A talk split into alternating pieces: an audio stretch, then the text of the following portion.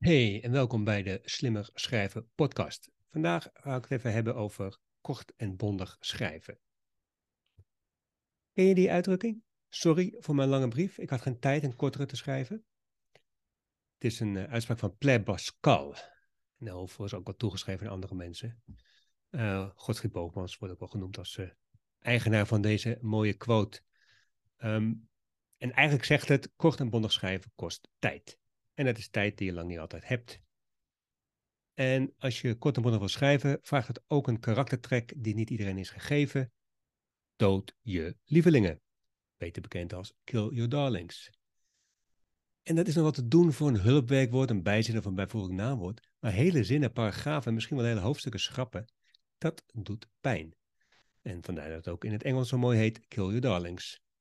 En wie zei ook alweer dat het schrijven, het leven van een schrijver zo makkelijk was? Gelukkig zijn er wel manieren die je kunnen helpen je teksten kort en bondig te houden. En daar wil ik je zo meteen wat trucjes voor geven. Maar het allerbelangrijkste eerst, en het is geen advies of een tip, het is geen trucje om toe te passen, maar dit is de gouden regel voor elke schrijver. Verspil de tijd van je lezer niet. Verspil niet de tijd van je lezer. En wat betekent dat? Dat je zijn of haar tijd waardevol behandelt. Waardevoller nog behandelt dan de tijd die je zelf gebruikt. Want die heb je wel nodig om een goede tekst te maken. Besef goed dat je lezer ongeduldig is en altijd iets beter kan doen dan juist jouw tekst lezen. De hoeveelheid afleiding is enorm en je moet echt iets te bieden hebben, wil ik jouw tekst lezen. En zeg jij als schrijver, ja, maar ik ben ook druk. Tuurlijk, je bent ook druk. En je hebt geen tijd om een kort en bondig verhaal te maken. Maar je lezer is minstens zo druk en heel snel afgeleid. En gaat makkelijk op weg naar een andere website, bladert naar een verse pagina in een tijdschrift of gaat lekker Facebooken, Instagrammen, TikTokken of een WhatsApp sturen. Oftewel, jouw boodschap, jouw mooie verhaal of je slimme wijsheid wordt als oud vuil achtergelaten. En dat is één van de redenen waarom kort en bondig schrijven zo belangrijk is. En om deze overtuiging na. Nee, deze overtuiging moet je echt naleven om gelezen te worden. En het is de eerste gedachte waar je aan denkt als je achter een toetsenbord gaat zitten. En daarom zeg ik het nog één keer. Verspil de tijd van je lezer niet. Behandel zijn of haar tijd als waardevoller dan die van jezelf. Besef goed dat je lezer ongeduldig is en altijd iets beter heeft te doen dan juist jouw tekst te lezen. Nou, ik geef je snel vijf suggesties hoe je een tekst altijd korter kan maken. Vergeet de inleiding, begin direct met je belangrijkste boodschap. Knal echt het verhaal in. En de belangrijkste reden om tijd van mensen te verspillen met te lange artikelen is onzekerheid. Want je weet vaak niet precies wat je wilt zeggen, dus neem je een aanloopje. Ik noem dat vaak van, mensen beginnen altijd bij Adam en Eva. Uh, en ik ken heel veel mensen die schrijven als een oude tweetak die je moet opwarmen. Ik stond vanmorgen onder de douche toen mij de oplossing binnenviel voor het beter laten functioneren van ons team. Ja, je weet wel, het probleem waar we het vorige week over hadden. Nee, begin je verhaal met de oplossing. We gaan als team meedoen aan de Ropa Run. Of de Amsterdam Marathon. Of een andere leuke happening.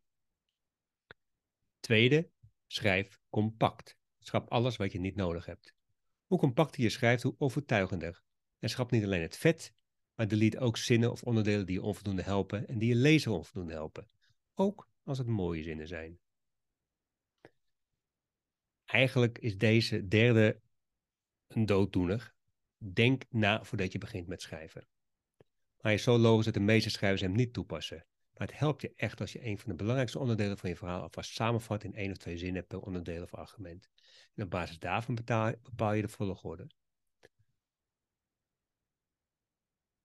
Bedenk ook van tevoren hoeveel woorden je wilt schrijven. Ik zelf heb een tijdje blogs geschreven van precies 333 woorden. Ik had ook een website die heette 333woorden.nl. Ik had iets met een getal en streefde naar elk verhaal precies zoveel woorden te laten duren. Dat beperkte mij en maakte me creatiever. En dat zie je ook als je Twitter bekijkt. Het feit dat mensen heel kort een gedachte moeten formuleren, maakt dat je soms hele goede teksten op Twitter uh, tegenkomt. En tot slot, en ook eentje die niet helemaal onbekend zal zijn, schrap woorden die niet nodig zijn of geen betekenis hebben.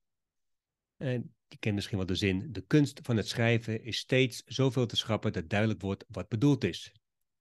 Dat zijn 16 woorden en die kun je terugbrengen naar drie. Schrijven is schrappen. Daarmee is de kern van de eerste zin volledig behouden en elk overbodig woord is geschrapt. Oké, ik hoop je hiermee even op weg geholpen te hebben. Volgende keer een nieuw podcast van De Slimme Schrijver. Ik hoop dat je luistert. Wil je eh, anderen helpen? Geef deze podcast dan een likeje of deel hem met anderen. In ieder geval abonneer je en dan krijg je vanzelf een melding dat er een nieuwe voor je is. Tot de volgende keer.